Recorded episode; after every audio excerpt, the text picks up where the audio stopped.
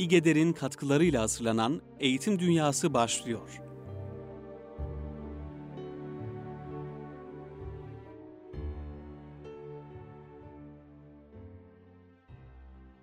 Merhabalar kıymetli Erkam Radyo dinleyenleri. Eğitim Dünyası programında yine sizlerle birlikteyiz.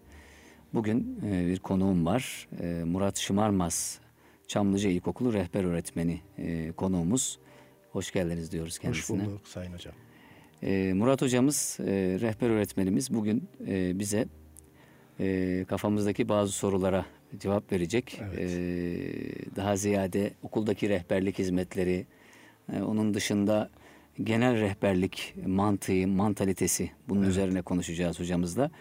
E, Murat hocamız aynı zamanda İGEDER'de, İGEDER Yönetim Kurulu'nda. Evet.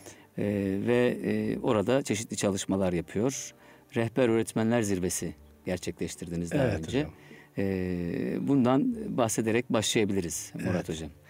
Ee, hocam öncelikle e, bana böyle bir fırsat verdiğiniz için teşekkür ediyorum.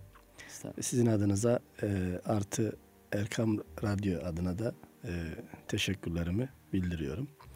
Şimdi e, tabii biz e, okullarda rehber öğretmen olarak çalışıyoruz. E, faaliyet alanımız e, ve beklentiler çok geniş bir kapsamda Sayın Hocam. Evet. E, bu boyutta tabii ki e, dernek çalışmalarımız İGEDER boyutunda da devam ediyor. Orada da e, bir rehber öğretmenler zirvesi gerçekleştirdik. Bu zirvenin konusu e, biz nesli ve değerler eğitimiydi. Çünkü gördüğümüz kadarıyla çocukların yetişmesinde ve kişilik kazanmasında toplumsal sıkıntıların olduğunu gördük. E, eğitimsel bazı sıkıntıların e, olduğunu görerek bu konuyu e, belirledik arkadaşlarla.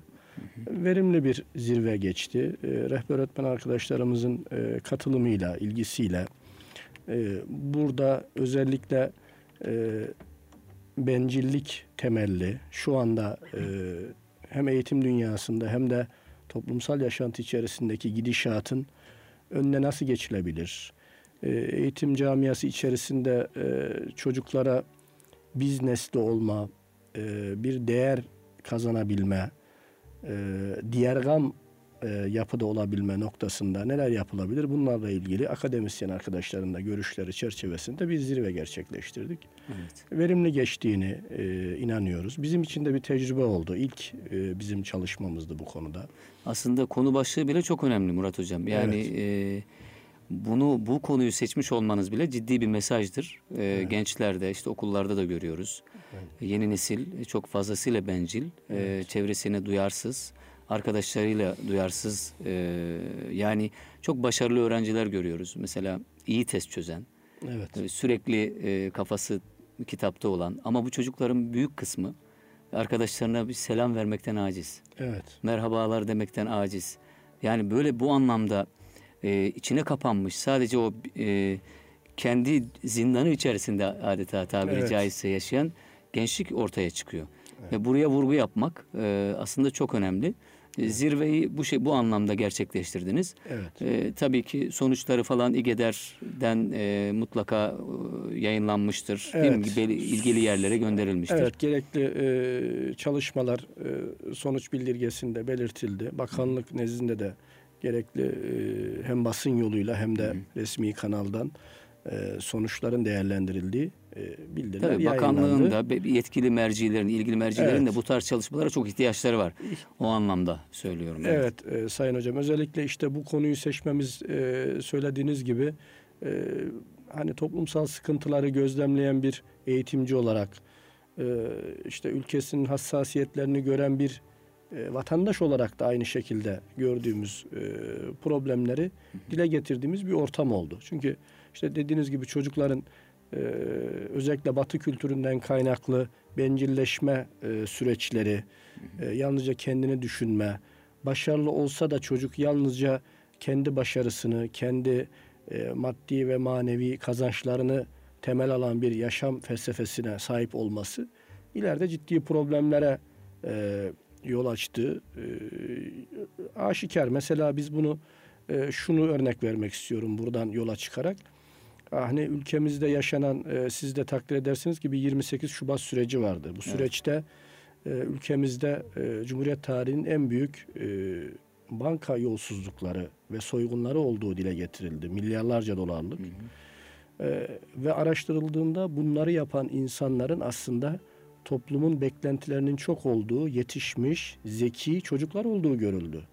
Bunlar e, yetiştirildi, belli noktalara geldi ama insani değerler, Belki de okuldaki en başarılı çocuklardı bunlar Evet, değil mi? Dönüp mazilerine bakarsak. evet hocam, kişilik değerleri Evet. e, zayıf olan çocuklarımızın maalesef böyle konumlara geldiğinde yalnızca kendini düşünen, e, ailesini, toplumu düşünmeyen bir yapıda e, kendi e, kazancına, e, tabiri caizse e, cebine bakan bir yapıda olduklarını görüldü ve bunların da bu süreci gerçekleştirdiğini gördük. Dolayısıyla toplumundan sorumlu bir eğitimci olarak bu konuyu rehberlik çalışmaları içerisinde okullarda, veli toplantılarında işlemeye çalıştık. Yani çocuğumuzun yalnızca başarılı olması için her türlü fedakarlığı gösteren ailelerin özellikle onların sağlıklı kişilik kazanmalarına, e, manevi değerlerin de e, gelişeceği bir sürece ihtiyaç olduğunu mutlaka bu toplantılarda dile getirmeye çalışıyoruz Sayın Hocam.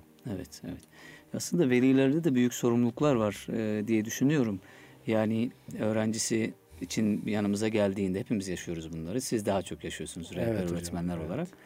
E, ilk sordukları sorulara baktığımızda ya da önceledikleri meselelere baktığımızda başarı endeksi gidiyor Evet. mesele. Yani başarı için her şey mübah mantalitesi var. Böyle bir kafa yapımız var maalesef. Evet. Geldikleri zaman işte çocuğumun e, ahlaki durumu nedir? Size karşı bir saygısızlığı oldu mu? Ya da arkadaşlarıyla Evet. hocam manevi olarak, ahlaki olarak derecesi ya da konumu nedir? Yani bana daha ziyade bu lazım diyen veliyle çok az karşılaşıyoruz. Evet. İmam Hatip'teki arkadaşlarımız da mesela "Ya ben e, namazı sormuyorum. Beş vakit namazı çok da önemsemiyorum diyebilecek. e, siz bana dersinden haber verin Evet. e, diyebilecek veli çok. Hatta veli toplantısı yapıyoruz diyor mesela öğretmen arkadaşımız.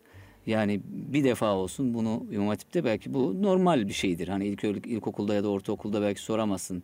E, ama İmam Hatip'te bu tarz şeyler e, konuşuluyor. E, hiç kimse sormadı diyor mesela. İkinci toplantıda ben dile getirdim diyor. Diyor ki ya bir şeye dikkat ettim. Yani neden bunları sormadınız? Çocuğum işte mescide çıkıyor mu mesela? Ya da Evet. cuma vakti acaba bir sıkıntı oldu mu? Ee, işte hep beraber kılıyorlar ya biliyorsunuz. Evet Sayın Hocam. Bu noktada velilerin de e, yetiştirilmesi, velilerin de bu mevzulara bir şekilde dikkatlerini yöneltmeleri gerekiyor diye düşünüyorum. Evet. Tabii bununla ilgili de özel çalışmalar yapmak lazım. Mutlaka. Veli yetiştirici, veli eğitici çalışmalar yapmak lazım diye düşünüyorum. Evet. E, Bununla ilgili bir şey sormayacağım. E, Direkt e, diğer mevzulara isterseniz geçelim. Tamam. İGEDER'de e, rehber öğretmenlik öğretmenler zirvesi sonucunda e, bir, şey, bir takım raporlar yayınlandı. Daha sonraki projeleriniz var mı? Neler yapıyorsunuz? Ee, Belki onlardan da bahsetme fırsatı olsun diye soruyorum hocam. Evet hocam. Şimdi e, İGEDER çalışmalarımız tabii devam ediyor. Güzel bir ekibimiz var. Ee, arkadaşlarımızın çalışmalarını da e, gözlemleyerek, onlardan ışık alarak neler üretebiliriz e, siz de takdir edersiniz ki haftalık toplantılarımızda değerlendiriyoruz. Eyvallah. Bu kapsamda e, daha önceki yıllarımızda e, bazı projeler, e, proje çalışmalarında e, görev almıştık. O tecrübelerden yola çıkarak e, ülkemiz gençliğine ya da işte özellikle mesela Afrika'daki bir gerçek var, eğitim gerçeği. Bu konuda biz eğitimciler olarak, GEDER olarak onlara neler yapabiliriz noktasında hazırladığımız veya hazırlığına başladığımız bazı projelerimiz var. Onları olgunlaştırmaya çalışıyorsunuz. Evet Sayın Hocam. Onun Eyvallah. üzerinde çalışıyoruz. Bu bize Çok bir güzel. ışık tutacak. Eğer ilk projemizi bu şekilde hazırlayıp bir uygulama fırsatımız olursa Çok iyi. bizim için ileriki yıllarda da buna benzer projeleri üretme noktasında bir rehber olacaktır diye düşünüyorum. İnşallah. Tabii öğrenme süreci e, rehber öğretmen olsanız da e, devam ediyor. Hı hı. E, her yeni çalışma, her e, bilgi yeni e, birikimlere, yeni tecrübelere getiriyor. Evet. Dolayısıyla e, bu süreçte işte arkadaşlarla ortak çalışmalar yapıp neler üretebiliriz noktasında e, arkadaşların da bizlerin de bir gayreti mevcut. Anadolu buluşmaları oldu geçen hafta. Cumartesi günü temsilcilerle buluşmalar oldu. Arkadaşlarım birçoğu Anadolu'ya gittiler. Evet. Oradaki temsilcilerimiz de İGEDER'in temsilcileriyle buluştular. Siz bir yere gitmiş miydiniz? Biz e, gidemedik. Şöyle Hı. bizim e, o hafta için yani e, e, bu, bu hafta sonu için e, gideceğimiz bölgedeki e, çalışmaların Hı hı. İstanbul'da olmasından dolayı Ha, bizim anladım. çalışmamız Tamam. e, ileriki haftalara kaydı ama oradaki çalışmalarla da yine e, ortak olarak neler yapabiliriz? Oradaki çalışmaları e, gözlemleme açısından e, faaliyetlerimize devam edeceğiz. O da inşallah. heyecan verici. İnşallah, e, İnşallah. diğer arkadaşlardan biriyle de burada konuşmak isterim. Anadolu'da neler yaptınız diye. Evet. Merak ediyoruz. Evet, Şimdi inşallah. Facebook'ta vesaire fotoğraflarını görüyoruz. Heyecanlanıyoruz. Evet. Duran hocam e, sen de gel buyur demişti. Bizim de ayrıca Evet. işlerimiz vardı. Gitmediğime de pişman oldum açıkçası. Evet. Böyle de bir durum oldu. Evet. Evet Sayın Hocam. Şimdi e, rehberlik çalışmaları yapıyorsunuz okullarda. Birçok Evet. örnekle karşı karşıya bulunuyorsunuz. Sizin vereceğiniz örnekler, e, vereceğiniz bilgiler çok önemli. Evet. Çocuğun eğitiminde e, ailelerin az önce de aslında konu gelmişti oraya. Ailelerin yapması gerekenler var. Öncelikli olarak aileler e, okullardan çok şeyler bekliyor aslında. Rehberlik Evet. servisinden olsun, öğretmenlerden olsun çok şey bekliyorlar ama rehberlik servisinin ve öğretmenlerin de onlardan bekledikleri var açıkçası. Evet. E, ailelerin şimdi bizim elimizde çocuk 3 saat 4 saat bununla işte ben Türkçe öğretmeni olarak mesela haftada bir sınıfa 5 saat ya da 6 saat derse giriyorum. Ama onun dışında sürekli aileyle muhatap, aile içerisinde. O, oradan ciddi e, kazanımları oluyor ya da kaybettikleri oluyor. Evet. Ailenin tavrına göre. Evet. O yüzden ailelerin dikkat edeceği hususlar neler olmalı? Bir çocuğun yetiştirilmesi Evet noktasında, hocam. eğitim noktasında. Şimdi e, tabii rehberlik servisi olarak okullarda hani e, özellikle temel eğitimden başlayacak olursak Sayın Hocam çalıştığım kurumda şu anda ilkokul niteliğinde bir kurum. Ortaokul öğrencilerimiz var ama resmi bünyemiz şu anda ilkokul boyutunda. Tabii gelen sorunlara, e, veli görüşmelerine baktığımızda özellikle daha önceden belirttiğiniz gibi işte başarı beklentisinin yüksek olduğu bir aile e, profili görüyoruz. E, tabii ekonomik kaygılar, e, tabiri caizse kapitalist düzenin getirdiği e, sürekli başarı ve daha çok kazanma hırsının ailelerin yaşantısını ve felsefesini de etkilediğini görüyoruz. Dediğiniz gibi yani çocuğun kişilik yapısı ve gelişiminden ziyade okullarda artık başarısı, kaç net yaptığı, e, kaç not aldığı endeksli konuşuluyor. E, bunun temelinde de tabii e, öğrencilerin değişim süreci gibi maalesef velilerin de e, bir değişim sürecini görüyoruz. Yani ailelerde de bakış açısında bazı değişiklikler görüyoruz. Mesela işte çocuğun eğitiminde genellikle okulda yaptığımız çalışmalarda bilgilendirme çalışmalarında e, özellikle gördüğümüz önemli gördüğümüz nokta çocuğun eğitiminde temel eğitimde ailenin alacağı e, belli başlı tedbirler var. Evet. Çok önemli tedbirler. Çünkü bu çocuğun kişilik oluşumunu, başarısını, ileriki yıllardaki kapasitesini de etkileyecek düzeyde olduğunu görüyoruz.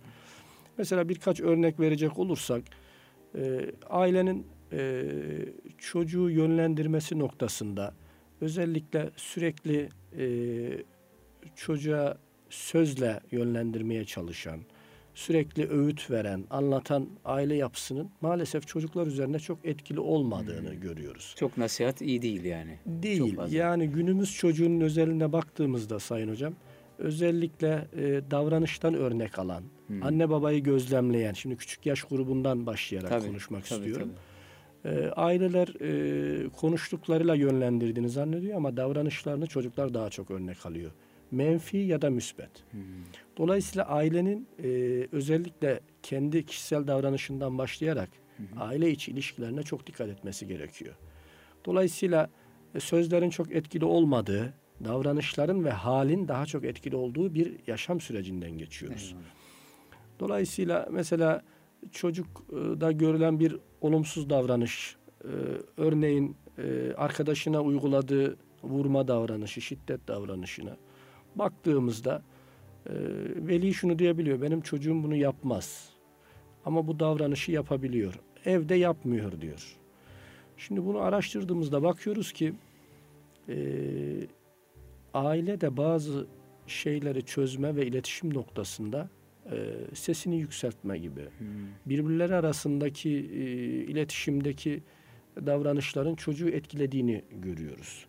E, yani evde eğer sorun birilerinin sesini yükselterek ya da kızmasıyla ya da vurmasıyla çözülüyorsa çocuk aynı sorunları yaşadığında sınıfta da aynı çözüm yollarını deniyor. Eyvallah. Arkadaşına denediğini görüyoruz. ne güzel ifade ettiniz. Çok doğru. Evet. Karşılaşıyoruz yani. Karşılaşıyorsunuz bir eğitimci Evet, olarak evet. ya da mesela e, genellikle e, küçük çocukla yani e, ailenin en küçük çocuğunda gördüğümüz bir davranış örüntüsünü çok e, son zamanlarda karşılaşıyoruz.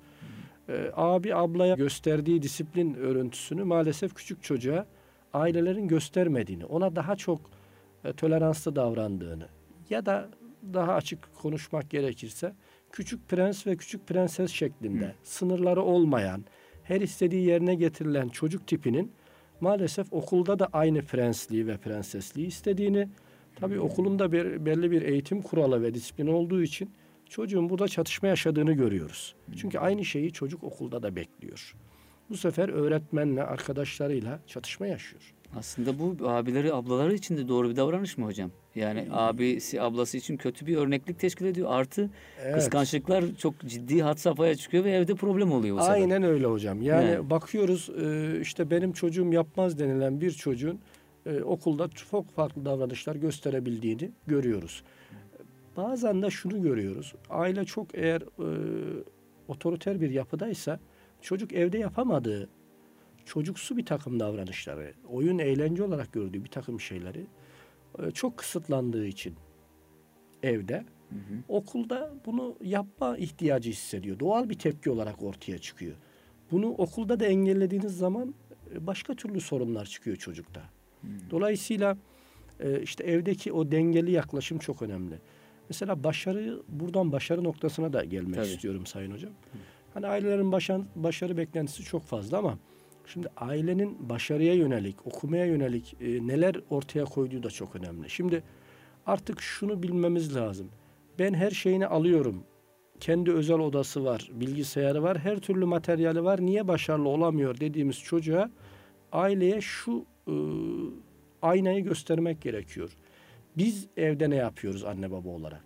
Eğer biz okumuyorsak, bütün eğlencemiz bilgisayar, televizyon önünde geçiyorsa, yaşantımızda belli bir düzen yoksa, e, çocuğun da düzenli çalışması ve başarısını bekleyemiyoruz.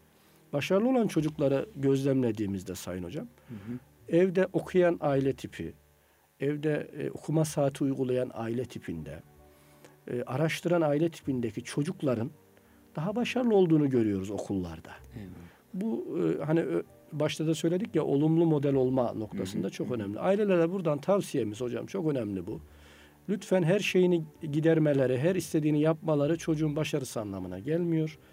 Doğruyu örnek olmak lazım. Bizim de biraz anne baba olarak fedakar olmamız lazım.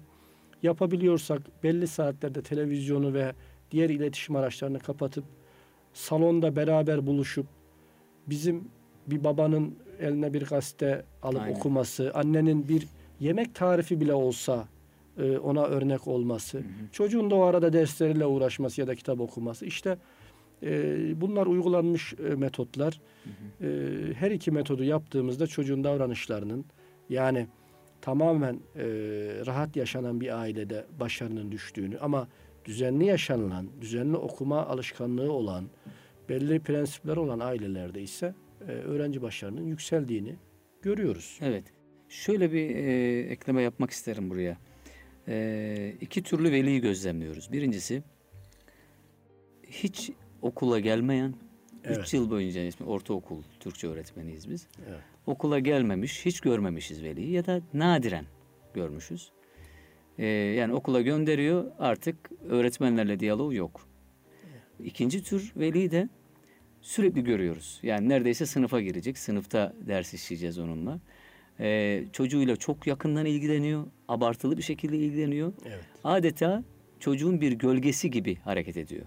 Yani e, mesela ödevlerini soruyor. Efendim e, varsa proje alsın, performans ödevi alsın hocam gibi şeyleri bana söylüyor. Ya da diğer öğretmenlere söylüyor. Aslında bunları söylemesi gereken öğrenci Evet. Aslında öğrencinin sorumluluk alması lazım. O sorumluluğu kendisi üstleniyor.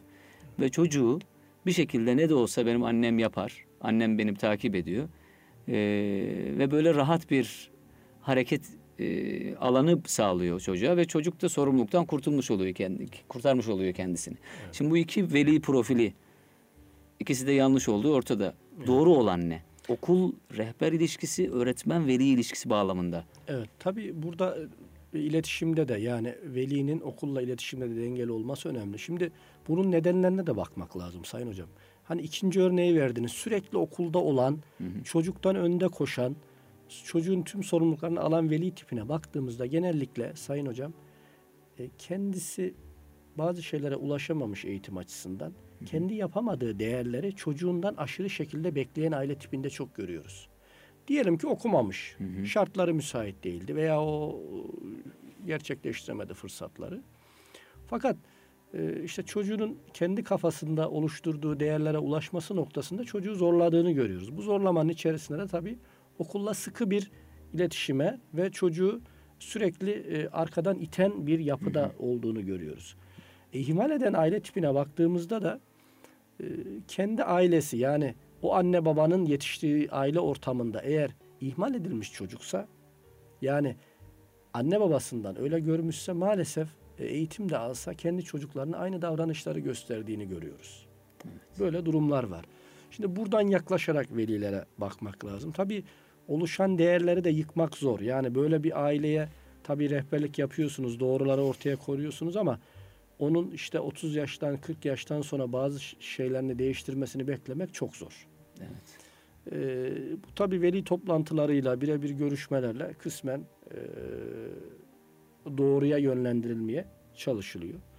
Ee, ve işte görüyoruz ki o aile tipinde hani başarı beklentisi e, maddi kariyer temelli olduğu için e, sürekli çocuğunun iyi konumlara gelmesini istiyor. Ama bunu beklerken tabii e, tabiri caizse bir at yarışı şeklinde sürekli sınavdan sınava koşturan çocuklar, e, sürekli test e, içerisinde boğulan çocukları görüyoruz. Ama bu bir süre sonra çocuklarda maalesef bıkkınlığa ya da sizin söylediğiniz gibi e, bulmuş yardımcıları onlara anne babayı bir yardımcı olarak görüyor. Yüklemiş sorumluluğu. Yüklemiş. Anne baba da buna razı. Çocuk buradan sıyrılabiliyor.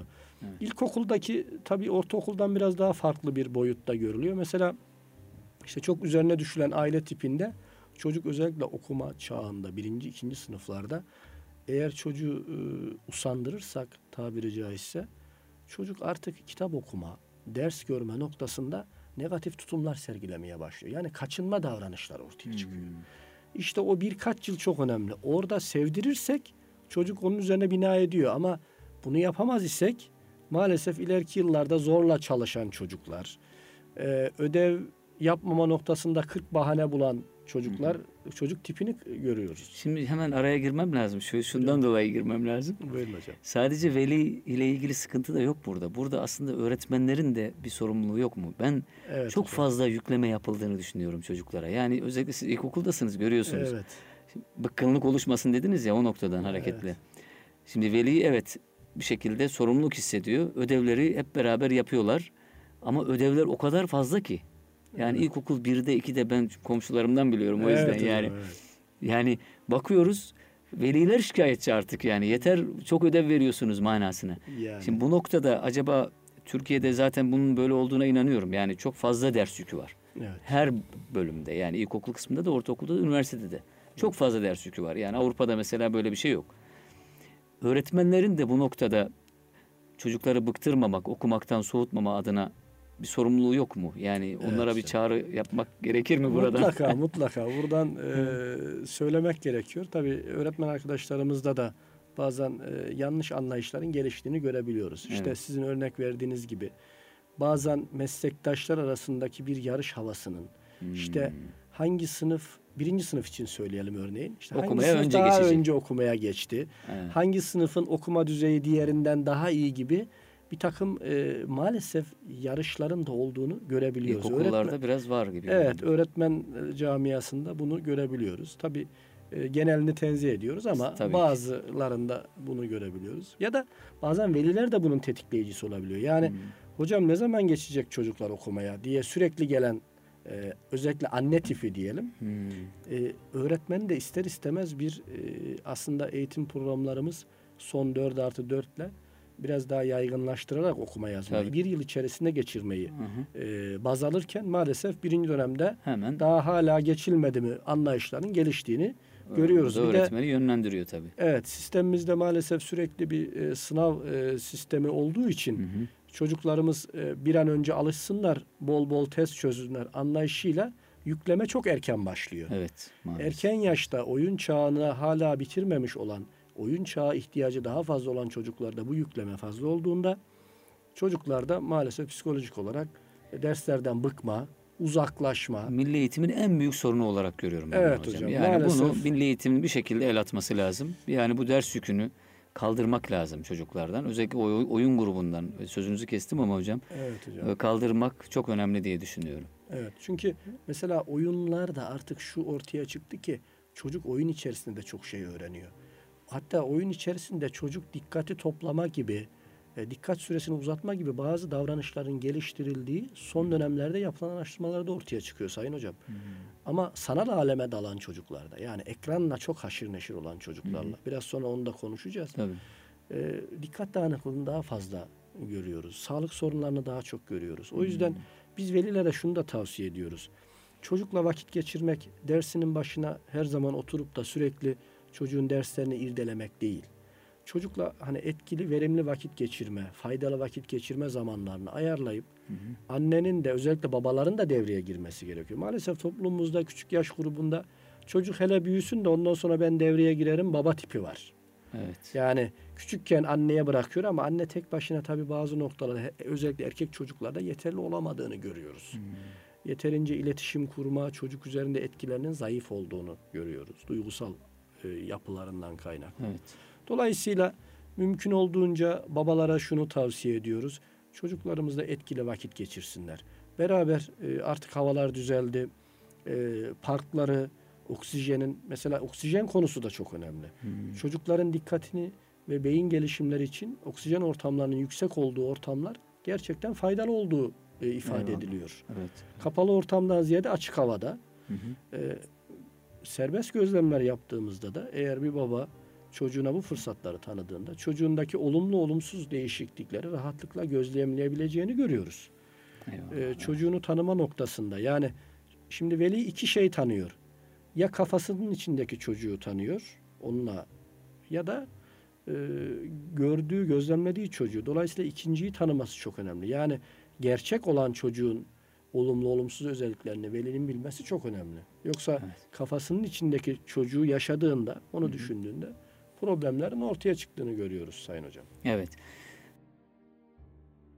Ee, internet ve televizyon kullanımına dair mutlaka e, Murat hocamıza soru sormamız lazım. Çünkü çok sık, çok yaygınlaştı ve e, şöyle görüyoruz adeta biz okulda veriyoruz, evde internet alıyor. Ben öyle görüyorum. Yani velilere de böyle söylüyorum açıkçası. Çünkü zihin dünyalarını çok fazlasıyla meşgul ediyor. Çocuklarda ciddi problemler e, meydana çıkıyor. Sadece çocuklarda mı? Bizde bile. Yetişkinler. Yani yetişkinlerde bile çok fazlasıyla internette oyalanmak e, maddi manevi bizden çok şey alıp götürüyor. Bu nedenle bunları sınırlamamız hem kendimiz açısından hem de çocuklar açısından gerekiyor. Bunların zararlarını, olumsuz etkilerini bilmek lazım ki Mutlaka. uzak duralım. Bunlar neler E, ya da nasıl kontrol altına alınmalı? Bu noktada veliye düşen şey ne? Bunlardan bahsedelim hocam Evet. isterseniz. Ee, hocam ifade ettiğiniz gibi özellikle şunu ortaya koymak lazım.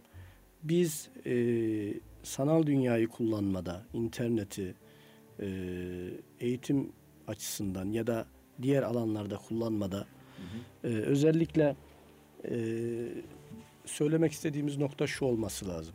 Biz bunu e, kullanma noktasında, bağımlılık noktasında mıyız? Yoksa e, gerçekten faydalı, etkin bir şekilde kullanabiliyor muyuz?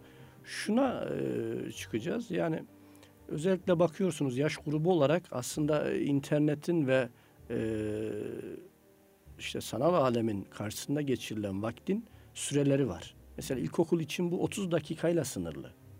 İşte bu ortaokulda 40 dakikaya, liselerde maksimum bir saate çıktığını görüyoruz. Ama bakıyoruz ki ne aile ne çocuk bu sürelere dikkat etmediğini görüyoruz. Evet. Dolayısıyla sürelerin aşımı e, çocuklarda ya da yetişkinlerde de dahil bağımlılığa neden olduğunu, e, bazı önceliklerin sanal e, uygulamaları ön plana getirecek şekilde bir yaşantı düzeyinin ortaya çıktığını Aynen. görüyoruz Evet, ailelerde. Evet. Tabii ailelerin hani rol model olma noktasından bahsetmişken bu nokta da önemli. Aile burada da e, menfi, ör- e, olumsuz örnek e, olabiliyor yani. Dolayısıyla sürekli ev ortamında anne baba e, internet e, başında vakit geçirdiğinde yani çocuklara doğru davranış e, kazandırma noktasında çok zorlanacakları açık.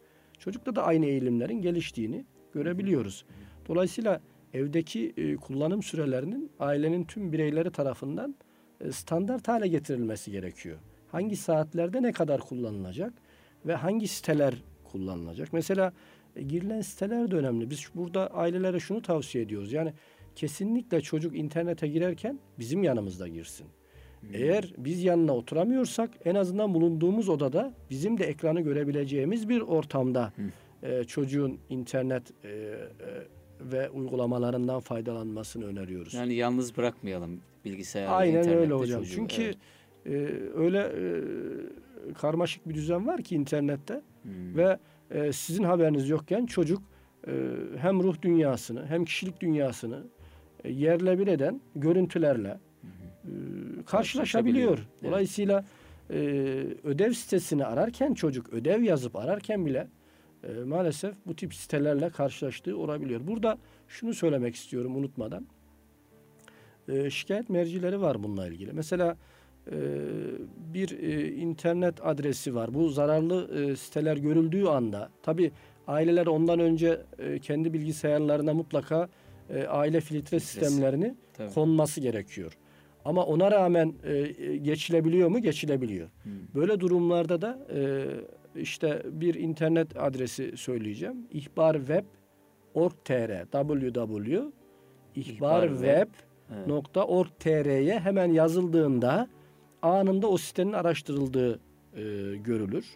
E, bununla ilgili tabii e, internet ortamında veriler araştırdığında e, şikayet telefonlarının da olduğunu şu anda telefon numarası aklımda değil ama bu kısa bir İnternet araştırmada adresi bulunabilir. e, verildi tabii güzel. Adresle birlikte Anladım. telefonla anında bilgi verildiğinde bu sitelerin kapatılması ve gerekli müeyyidelerin uygulandığını görüyoruz. Evet. Tabii bir çözüm değil bu. En azından kısmi çözümler olarak düşünebiliriz. Ama ailenin burada alacağı tedbirler önemli. Şimdi hemen araya girerek e, hocam. bu şundan önemli bence hocam. E, dedikleriniz çok mühim. Çünkü yeni nesil e, internet kullanımında, bilgisayar kullanımında bizden ileride. Evet. Yani velilerden gerçekten ileride. Veli açmayı kapamayı anca bilirken Evet. çocuk zaten taklalar attırıyor tabiri caizse internete. Yani o yüzden çok ciddi derecede e, o konuya eğilmek ve kontrol etmekte fayda var. Veliler bunu e, göz ardı etmemeliler. Evet, velilerin e, gerçekten çocuğu kontrol etme açısından kendilerini yetiştirmeleri gerekiyor. Yani bazı temel bilgileri bilmekte fayda var. Çünkü çocukların ilgi ve merakı bu alanda e, yüksek düzeyde olduğu için zaman içerisinde hani tabiri caizse boynuz kulağa geçiyor hesabı. Bir ilköğretim çocuğunun çok rahatlıkla bizden daha iyi bilgisayarı, interneti, internet içerisindeki uygulamaları, bir telefon, akıllı telefon uygulamalarını yapabildiğini görüyoruz. Yani Artık işte e, ekran olayı biliyorsunuz telefona da taşındı. Hı hı. Bir akıllı telefon dediğimiz bilgisayarın yerini alabilecek her türlü uygulamalar mevcut. E, çocuklarımız bir şekilde bu telefonu aldırttığında bize e, burada da aynı e, zararlı e, e, sıkıntılara düşebileceğini görüyoruz. Dolayısıyla e, her noktada kontrolü e, ele almak ve dikkatli olmakta fayda var. Televizyon Eskiden- için de değil mi bunları söylüyor? Televizyon için zamanda? de geçerli. Televizyonun işte kullanım saatleri e, beraber Diziler beraber mesela. izlenilmesi, oradaki sakıncalı görüntüler noktasında alınabilecek tedbirler çok önemli.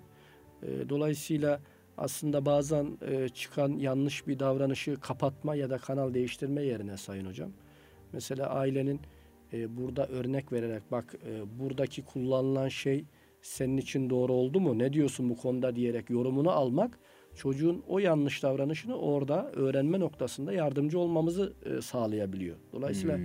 her şeyi kapatmak, gizlemek değil. Tersine Gerekirse- davranışı pekiştirebiliyor değil mi? Ya da Evet, öğretiyor. e, da- merak da- da uyandırabiliyor sakıncalı. Sayın Evet. Hocam. Onun yerine davranışı beraber e, e, değerlendirip davranışın yanlışlarını ya da o andaki görüntünün olumsuz yönlerini beraber paylaşmanın e, söndürme davranışı söndürme noktasında faydalı olabileceğini söyleyebiliriz. Tabii aşırı e, şeylerde zaten rütük devreye giriyor ama e, özellikle Ama en azından yani diziler konusunda diyelim ki neler Evet. çıkacağı ortada. Yani. Yani konular ortada. O zaman e, şimdi bakıyoruz bazen veliler işte aileler sıkı takip ettikleri diziler oluyor. Çocuk da takip ediyor onu. Evet. E, dikkat etmek lazım. Yani diziyle zaman geçirmek, zaman öldürmek. Bir de onun önceki haftaki e, şeyleri mi yayınlanıyor? Öyle özet görüntüler Evet vesaire hocam. uzuyor Evet, iyice evet. mesele. Yani dizi dünyası gibi bir dünya ortaya çıkıyor evet insanların. yani. Ee, Dolayısıyla e, özellikle e, tabii burada rütüyü de etkin olarak kullanmak lazım aile olarak. Hani hep denir ya rütük tedbir alması için e, şikayet sayısına bakıyor Sayın Hocam. Hmm. Bir dizide bir aile dizisi olarak ortaya konulan bir dizide çok masum gibi görünen bir dizide çocuğun e, kişilik gelişimini ve manevi yapısını yıkıcı bazı işte alkol kullanımı olabilir ya da olumsuz görüntüler olabilir ya da şiddet içerikli görüntüler. Burada e, velilerin ya da toplumun hassas olup gerekli şikayet mercilerinin özellikle rütük e, hatlarını çok iyi kullanması gerektiğini düşünüyorum. Evet. Bu yapıldığında e, zaman içerisinde bazı e, sorunların da azalma noktasına, çözülmese de azalma noktasına e, geçtiğini görebiliyoruz. Toplumsal hassasiyet burada önemli Sayın Önemli. Hocam. Teşekkür ederiz hocam. Şimdi konu konu gidiyorum. Hani bunların hepsi belki ayrı ayrı program konuları ama hocam Evet hocam. e, yine de e, çeşitli noktalara da temas edelim. E, çünkü e, çok önemli başlıklarımız var. TEOK sınavları getirildi. Şimdi bu SBS kaldırıldı. İşte Evet. her sınavdan rahat bir şekilde çocuklar. Ben geri dönüşlere bakıyorum. Genelde memnun öğrenciler. Evet. Çünkü her sınava ayrı bir süre var. Sınavdan sonra dinlenme imkanları var vesaire. Evet. Şimdi bu TEOK sınavı noktasında hazırlık sınava hazırlıkta ayrıca bir yani başarıyı da elbette önem- Tabii. önemsemiyoruz manasına gelmesin. Deminden beri ahlaki noktaları e, tabii ki birinci planda ele alıyoruz ama başarı da bizim için önemli. Her birimiz bunu veli olarak da isteriz. Ee, sınava hazırlık noktasında veli ve öğrenciye ne dememiz lazım? Hangi, hangi noktalara dikkat etmek lazım? Evet şimdi burada tabii veli boyutunda da öğrenci boyutunda da beklentilerin e, sınırlarını iyi çizmek lazım hocam. Evet. Yani sınav bir süreç. Sınav hazırlığı da bir süreç. Yani bir maraton olarak değerlendirmemiz lazım. E, tabii sınavlara birkaç günlük hazırlık bir başarıyı getirmez. Bir eğitimci olarak siz de bunu Tabii. bilirsiniz. E, hangi sınav olursa olsun uzun süreli, uzun soluklu ve düzenli çalışma alışkanlığıyla başarının geldiğini görüyoruz. Burada mesela dikkat edeceğimiz husus şu. Ee, öğrencilerin e, hep bir tabir vardır. Ders derste öğrenilir diye. Gerçekten rehberlik açısından da bu böyle. Bu biz buna aktif dinleme de diyoruz. Çocuğun özellikle dersi e, dikkatli dinlemesi e, öğrenmenin temelini oluşturuyor Sayın Hocam. Ondan öte bir şey daha e, ilave etmek istiyorum. Mesela biz bazı çocuklarda bunu denedik. Eğer çocuk derse hazırlıklı gelirse bir gün önce ya da dersten önce şöyle bir göz atıp gelirse derste daha aktif olduğunu görüyoruz. Öğrenmenin daha kalıcı olduğunu görüyoruz. Çoğu öğrenci maalesef e, ilk öğretimi bırakın lise düzeyinde bile ders hazırlığı gibi bir e, çalışma biçimi yok. Dolayısıyla e, burada velilere tavsiyemiz çalışma planları içerisine çocuğun derse gelmeden bir yarım saat önce yani e, derse gelmeden yarım saat önce tabiri çok uygun olmadı ama bir gün önce de olabilir ama bir yarım saatini e, yeni işlenecek konuya o gün anlatacağı ders konusuna çocuk şöyle bir göz gezdirdiğinde biraz okuduğunda bir iki üzerinde kalem oynattığında derste daha iyi öğrendiğini görüyoruz. Tabii aktif ders dinleme de önemli. Burada öğrencilere şu e, tavsiyede bulunmak lazım. E, ders dinlerken eğer dikkatleri dağılıyorsa gelecek hedeflerini düşünmelerini tavsiye ediyorum. Şimdi öğrencilerimiz e, çalıştığımız bazen lise öğrencileri de aynı şeyi söylüyor. Hocam odaklanamıyorum, aklıma değişik e, fikirler geliyor diyoruz.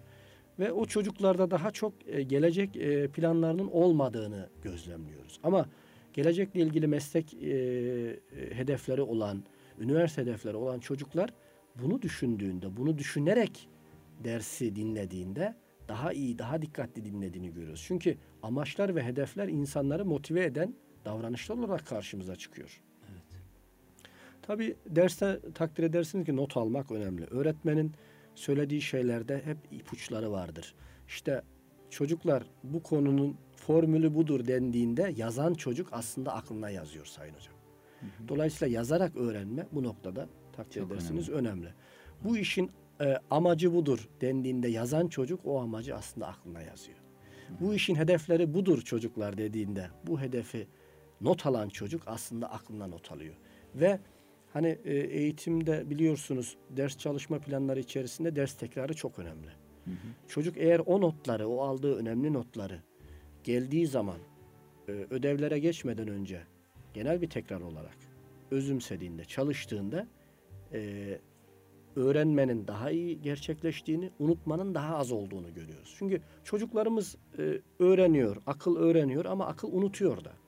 Yapılan araştırmalarda biliyorsunuz bir gün içerisinde öğrenilen bilgilerin e, minimum yüzde otuzunun unutulduğu söylenir. Yüzde otuz e, unutulma çok büyük bir rakam Sayın Hocam. Yani yüz gibi alınacak bir dersten yetmişe düşmek çok bir şey. e, çocuk için aslında başarının birden düşmesi anlamına geliyor. Ama ilk günkü tekrar biz e, burada plan konusunda şunu da söylemek istiyorum hocam son olarak. Bu çok önemli olduğunu düşünüyorum. Öğrenciler eğer bir plan yapacaklarsa de haftalık ders çalışma planı haftalık ders çizelgesine göre yapsınlar. Yani pazartesi günü gördüğü derslerin konularını çalışsınlar pazartesi günü. Başka konuları çalışmasınlar. Gün gün çalıştığında, o günün tekrarını yaptığında, pekiştirerek test çözdüğünde aynı konulara ve ders hazırlığı yaptığında öğrenmenin daha kalıcı olduğunu görüyoruz. Tabii ki buradaki amaç e, kısa bellekten uzun belleğe atış noktasında, beyindeki kısa bellekteki bilgilerin uzun belleğe atış noktasının önemli olduğunu görüyoruz. Artı hafta sonu da pekiştirildiğinde yani haftanın genel çalışmasının yapılıp test çözüldüğünde e, çocuğun işte son gün çalışmam gerekir, işte sınav geldi, nerelere çalışmam lazım gibi kaygıların azaldığını, bu düzenli çalışma günleriyle e, sınavlara daha rahat hazırlandığını görüyoruz Sayın Hocam. E, düzenli çalışma da gerçi değil mi belli yaşlarda edinilen bir alışkanlık. Yani Evet onu e, ayrıca sadece e, başarı kazanmış olmuyor çocuk. O alışkanlığı da kazanmış oluyor. O düzenli e, çalışma, ders çalışma e, velilerin de öğretmenlerin de çok aslında istemesi gereken, üzerinde durması gereken bir mevzu. Evet. Yani ortaokul yaşındaki bir çocuk ya da ilkokul ya da lise belki geç mi olur bilmiyorum. Lisede, Geç olur hocam. Yani lisede Yani değil mi? ortaokul bile geç hocam. Ortaokul bile geç. Yapılan araştırmalarda ilk dört yılda çocuklar O bazı planlı temel, çalışmayı kazandı. temel eğitim davranışlarını kazandıklarını görüyoruz. Evet, evet. O davranışlar, temel eğitim davranışları bazen yeterli oluyor, bazen yetersiz oluyor. İşte yeterli olabilmek adına öğretmenin de burada alabileceği şeyler var. Çocuğun hem hayatını düzenli yaşaması ki dedik ya ailenin de düzenli yaşaması önemli. Tabii. Zaten düzenli yaşanılan ailelerde düzenli çalışma alışkanlığı gelişiyor Sayın Hocam. Eğer ailede genel bir düzensizlik varsa, bir iletişimsizlik varsa, bir rastgele yaşama varsa çocuklarda da düzenli yaşama gelişmiyor maalesef. Gelişmiyor. Evet. Evet, burada model olmak çok önemli. Dolayısıyla ilk dört yılda eğer bunu kazandırabilirsek çocuk bunun üzerine ortaokulda da lisede de üzerine ekleyip gidebiliyor. Gidebiliyor. Evet. Şimdi ders çalışma, verimli ders çalışma aslında konusuna da girmiş olduk. Tekniklerden bahsetti hocamız. Ee, okuma ile ilgili biraz daha özelleştirirsek meseleyi. Evet. Okumaya dair ciddi sıkıntılarımız var. Yani e, çocuklar genel manada okumuyorlar ya da Maalesef. ya da e, okuduklarını anlamıyorlar diyelim. Anlamıyorlar. Evet, o da var. Okuyormuş gibi yapıyorlar efendim. Ee, özellikle tabii okuma türleri, çeşitleri de o, o da ayrı bir mesele. Yani şunun için söylüyorum. Mesela kitap alalım diyoruz çocuklara. Birlikte bir yerlere gidiyoruz. İşte e, fuara gidiyoruz. Efendim bir kırtasiyeye gidiyoruz. Bu tarz çalışmalarımız oluyor. Onlar da seviyorlar bu tarz çalışmalar. Hadi siz beğenin diyoruz çocuklara. Çocuklar da ortaokul yaş grubu özellikle nerede böyle vampir kitapları var. işte korku kitapları. E, içeriği e, gerçekten böyle e, saçma maceralardan oluşan kitaplar diyelim. Yani çok e, o çocuğun yaşına uygun olmayacak. Ama o çocuğun yaşına uygunmuş gibi satılan kitaplar Evet. bunlar. Bu yayın evleri biraz tabii kitap satışını artırma adına bazı ahlaki e, sınırları aşıyorlar maalesef. Maalesef, maalesef. Bu noktada da tabii e, bir şeyler söylemek lazım diye düşünüyorum. Okuma okumayı sevdirmek bir yana, doğru kitabı okumayı sevdirmek de bizim işlerimizden biri. Bununla ilgili neler yapılabilir hocam? Evet, tabii şimdi e, olayın dediğiniz gibi ilk boyutundan bahsedecek olursak hocam e, okumayı sevdirmek hani ilkokul açısından ben biraz daha yaklaşmak istiyorum.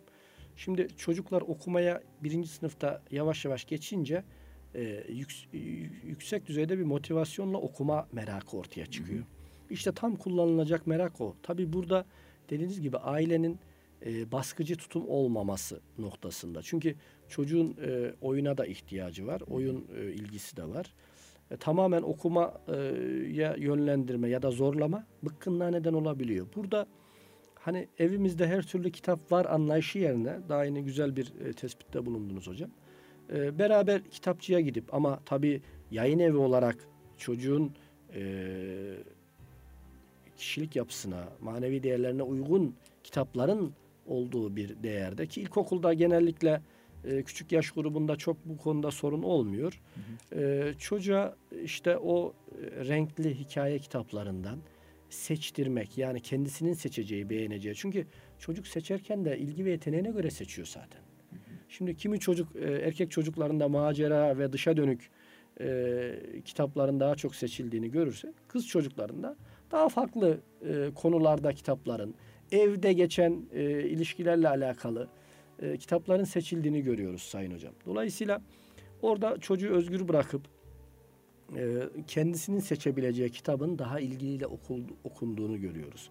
Tabii e, sizin dediğiniz noktaya gelecek olursak e, ortaya konulan alternatiflerin de e, çocuğun ruh dünyasına, kişiliğine, e, manevi değerlerine uygun alternatifler olması lazım. Yani ortaya konulan bir 10 çeşit kitabın da e, çocuğa zarar vereceği nitelikte olmaması lazım. Çünkü çocuk e, bazen bunun sonuçlarını değerlendiremeyip e, merakla e, olmadık e, şeylere yönelebiliyor.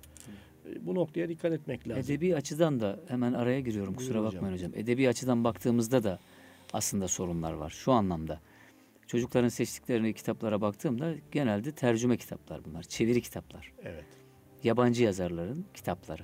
Şimdi hiçbir roman çeviri dilde o roman değildir. Evet.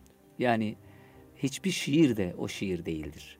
Fazlasıyla değişmiştir. Orijinali gibi değildir. değildir. Edebi nitelik olarak baktığımızda yani çok üst düzey bir e, edebi kişilik çevirecek de onu mesela işte bir e, İlhan Berk, Cemal Süreyya, Behçet Necatigil falan gibi böyle şairler bir kitabı çevirecek de işte o zaman ben diyeceğim tamam bu kitaba güvenebilirim diyeceğim ama o bile aynısı değildir.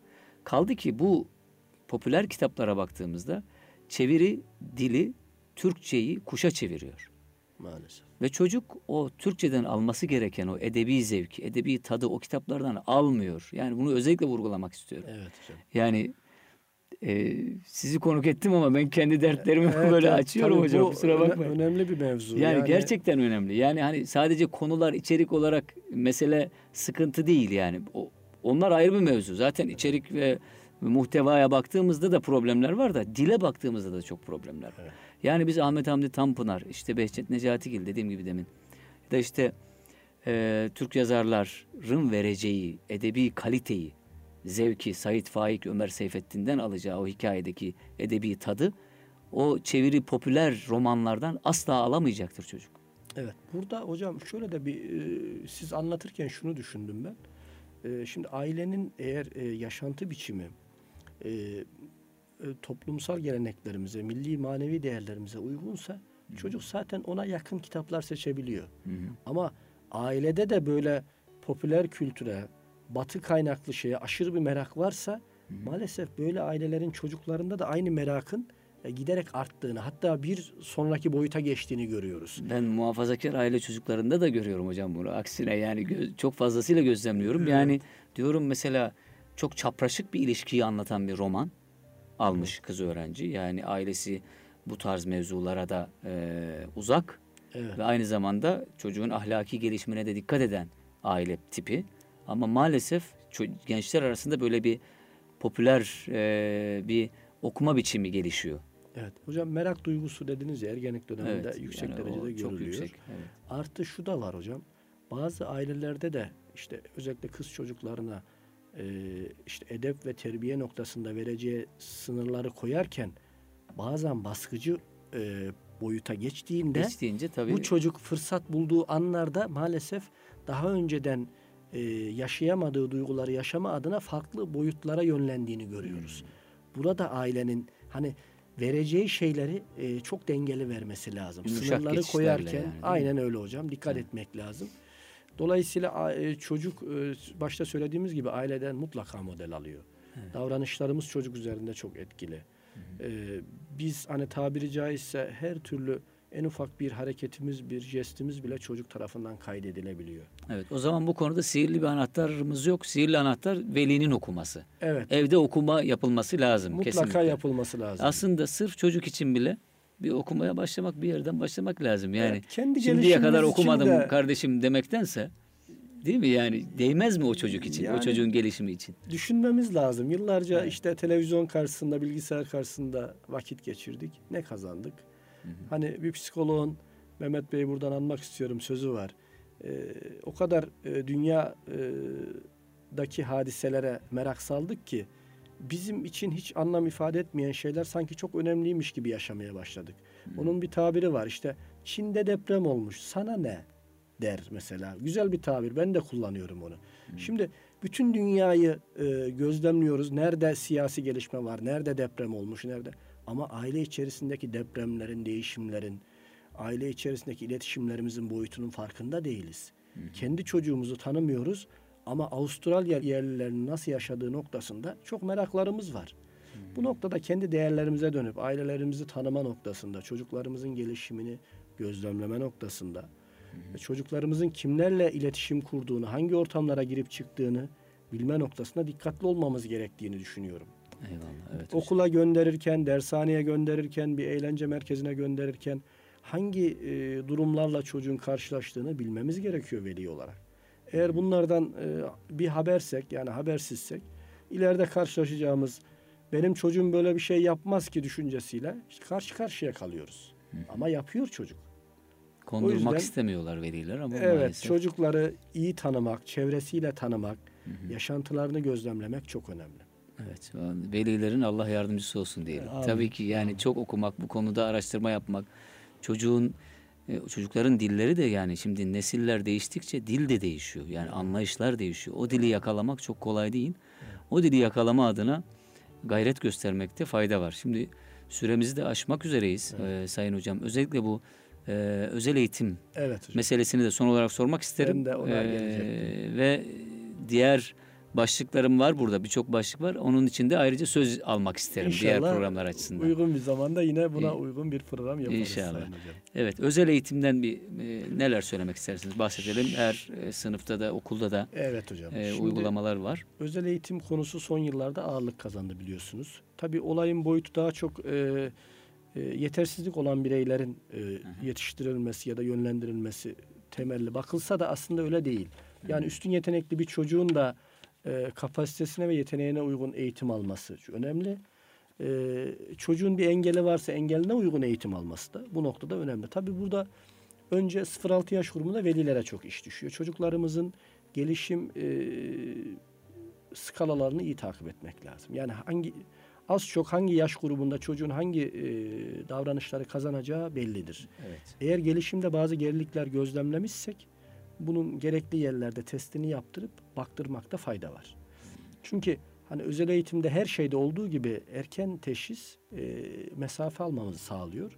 Daha iyi sonuçları elde edebiliyoruz. Dolayısıyla Sadece geri durumlarda değil ama değil mi? Mesela daha ilerideyse aynı şekilde yani Orada da- herhangi bir e, çocuğun Baş- normal normal dışı davranışı diyelim. Bu ileride de olabilir, geride de olabilir. Bunu gözlemlememiz e, rahatlıkla her insan e, bunu yapabilir.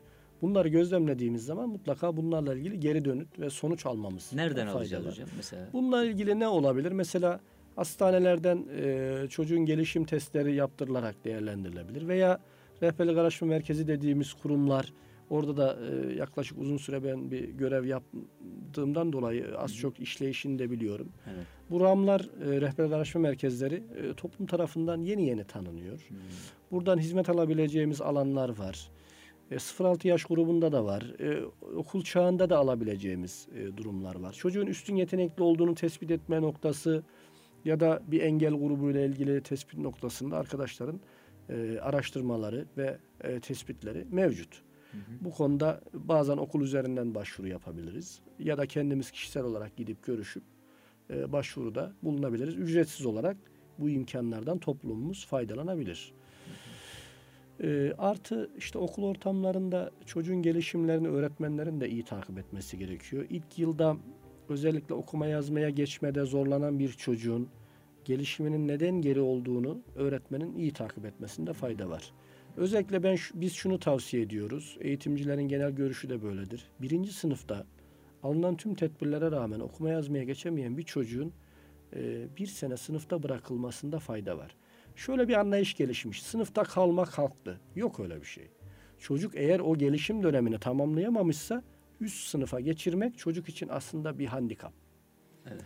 Dolayısıyla birinci sınıfta eğer okuma yazma ve matematik becerilerini temel düzeyde kazanamamışsa e, öğretmenin veliyle yapacağı, okul idaresinde katılacağı toplantıyla bir sene sınıf tekrarı yapmasında özellikle hafif geriliği olan çocuklarda çok e, e, olumlu gelişmeler olabileceğini, özellikle okuma yazma dediğimiz temel becerileri kazanarak ileriki yıllara daha e, iyi sonuçlar elde edebileceğimizi söyleyebiliriz. Ama bunu yapmazsak ikinci sınıfta da okuma yazmayı kazanamayıp ileriki yıllarda tamamen okuldan soğuma hmm. ve davranış problemlerinin ortaya çıktığını görüyoruz.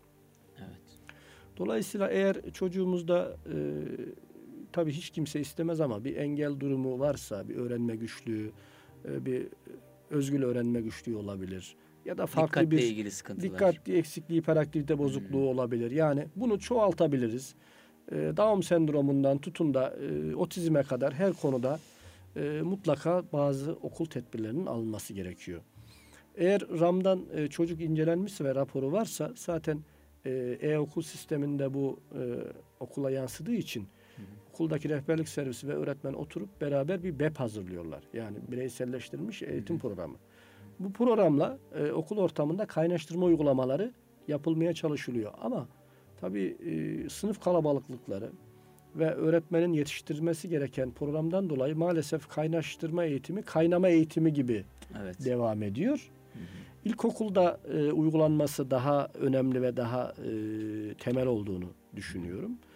Ve e, son olarak da şunu söylemek istiyorum. Tabii konu biraz da dağıldı ama evet. rehabilitasyon evet. E, noktasında yani destek eğitimi noktasında çocuk okulla birlikte eğer e, e, devletin son yıllarda sağladığı bu rehabilitasyon hizmetlerinden faydalanma noktasında e, gerekli girişimleri veli yaparsa ve bir uygun bir rehabilitasyon merkeziyle anlaşırsa e, oradaki özel eğitim öğretmeninin çocukla yapacağı birebir çalışmalar hı hı. özellikle geri olan çocuklarda birebir çalışmalar önemli hocam. Çünkü evet. grup içerisinde çocuk alamıyor. Nerede hı alacak? Birebir eğitimle Birebir. alacak. Özverili bir çalışmayla, iyi bir çalışmayla çocuğun eksikliklerini tamamlayabildiğini, en azından diğer çocuklarla makasın açılmadığını, yani eğitim makasının açılmadığını, gruptan kopmadığını görüyoruz. Öbür türlü kopuyor gruptan maalesef. Dolayısıyla çocuğun rehabilitasyon merkezine devam eden çocuğun hem orası hem okul hem aile üçgeninde beraber yürütülen eğitim tedbirleriyle bu özel eğitim konusunda gerekli tedbirlerin alınabileceğini söyleyebiliriz. Eyvallah. Okuldaki rehberlik hizmetleri ve mesleki rehberlik gibi bazı konularımız var, alt başlıklar. Evet. Bunlar kaldı. Bunları inşallah, e, inşallah. E, diğer bir programda Öyle Murat yapalım. Hocam sizden rica edelim. Evet. E, çok teşekkür ediyoruz ben katıldığınız teşekkür için. Ediyorum. Bir düşüncelerinizi, e, tecrübelerinizi bizimle paylaştığınız için Allah razı olsun. Kıymetli dinleyenler, e, Çamlıca İlkokulu rehber öğretmenimiz ve İGEDER Yönetim Kurulu'dan e, sevgili hocamız Murat Şımarmaz bugün konuğumuzdu. Onunla konuştuk. İnşallah haftaya yine başka bir konu, başka bir konukla huzurlarınızda olmak isteriz. Eğitim dünyasından bugün de bu kadar. Hoşçakalınız.